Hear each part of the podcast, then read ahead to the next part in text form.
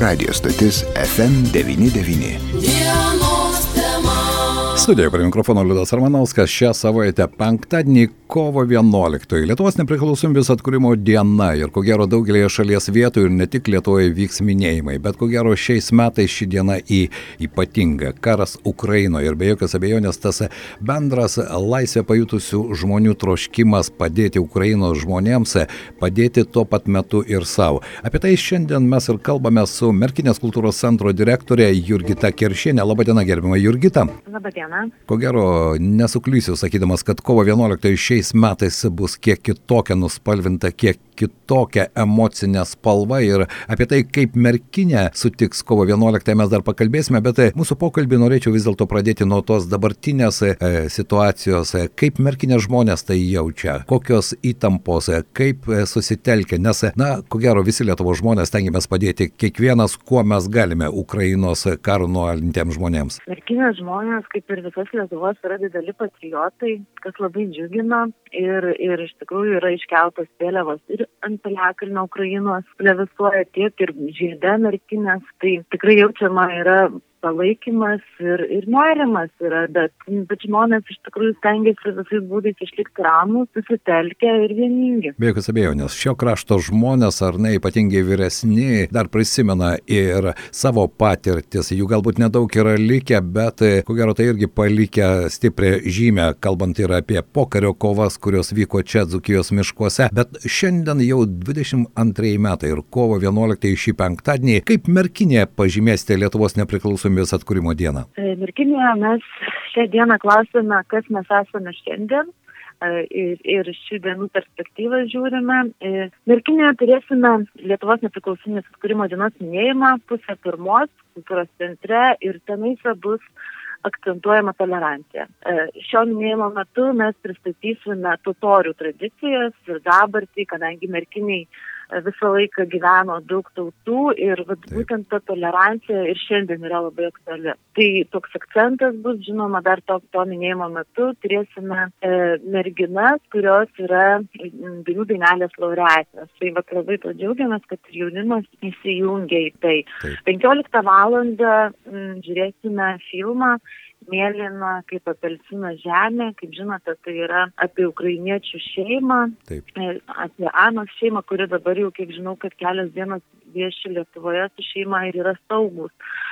Tai bet būtent šį filmą pristato Merkinės fabrikas ir, ir, ir, ir bilietai taip pat bus į šį filmą, bet surinkta pinigų suma bus skirta būtent Anos šeimai ir filmo kuriejų komandai likusiai Ukrainoje. Taip, o jiems dabar paramos ir pagalbos tikrai reikia pačiais įvairiausiais būdais, ko gero. Taip, ir tada turėsim dar, kas labai nudžiugino, 19 val. E, merkinės ir druskininkų jaunimas, grupė Sidabro, e, inicijavo paramos koncertą Ukrainai.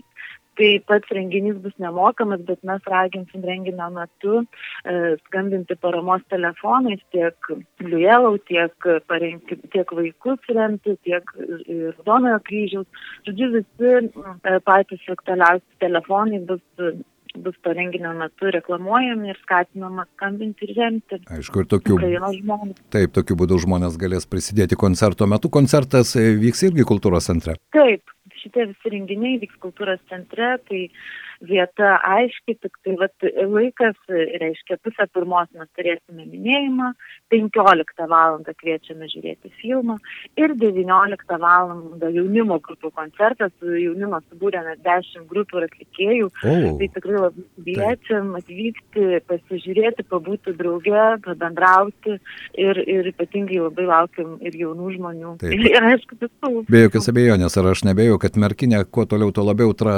tampa trauk traukos centru ir štai kovo 11-ąją galima iš ties padaryti savo malonę staigmeną ir nuvykti į Merkinę pasižiūrėti, kaip merkiniškiai švenčia kovo 11 ir jo lapė, jog nemokamas koncertas. Beje, mane maloniai stebina irgi ir ko gero tai yra ir šios dienos aktualių atgarsis, jog jauni žmonės labai aktyviai įsijungia, ar ne? Ir štai jūsų paramos koncerte čia dalyvaus ir vietiniai, ir druskininkiečiai, taip pat labai jauni žmonės. Taip, taip, ir vietiniai druskininkiečiai, ir, ir iš Vilniaus atvyksta jauni žmonės tikrai jie yra nuostabus, jie yra labai patriotiški ir turi daug stiprybės savyje ir labai atjautos daug turi. Tai tik labai džiugina, tikrai ateitis yra šviesa. Taip, sutinku su jumis ir tas simbolinis jūsų šventės pavadinimas, kas mes esame šiandien, aš norėčiau ir jūsų paklausyti, tai kasgi mes esame šiandien? Kas mes esame šiandien, mes esame šiandien laisvi žmonės ir tas yra, manau, svarbiausia. Na ir kalbant apie kovo 11, nesinori, kad tai tos valstybinės šventės, žinoma, šiais metais tame kontekste jos tai įgauna kitą emocinį atspalvį, bet nesinori, kad jos taptų tik, žinot, to formalių šventės paminėjimu, bet ko gero gyvenimo realijos priverčia į visą tai pažvelgti ir su jausmu, ir su supratimu, ir tai ir šiom šventėm suteikia visiškai kitokį atspalvį. Mhm, taip, sutinku visiškai su jumis. Aš manau, kad mes kiekvienas kuriame ir, ir, ir tą tas šventes darome taip, kad mums būtų gera. Ir, ir tas, tai tikriausiai va, ir yra, kad mes esame šiandien, tai ir atspindi tas aktualės, kaip mes tai darome. Na, na tikrai dabar šiemet tos šventės yra ypatingai jautrios. Na ir ko gero, ne tik nepamiršti valstybės vėliavą išsikelti, beje, ar merkinėje štai kovo 11 daug vėliavų plevesuoja, galbūt šiais metais šalia Lietuvos vėliavos plevesuos ir Ukrainos vėliavos, ne tik ant Piliakalnio, bet ir prie žmonių namų. Taip, žmonių. Taip, Taip, tikrai taip.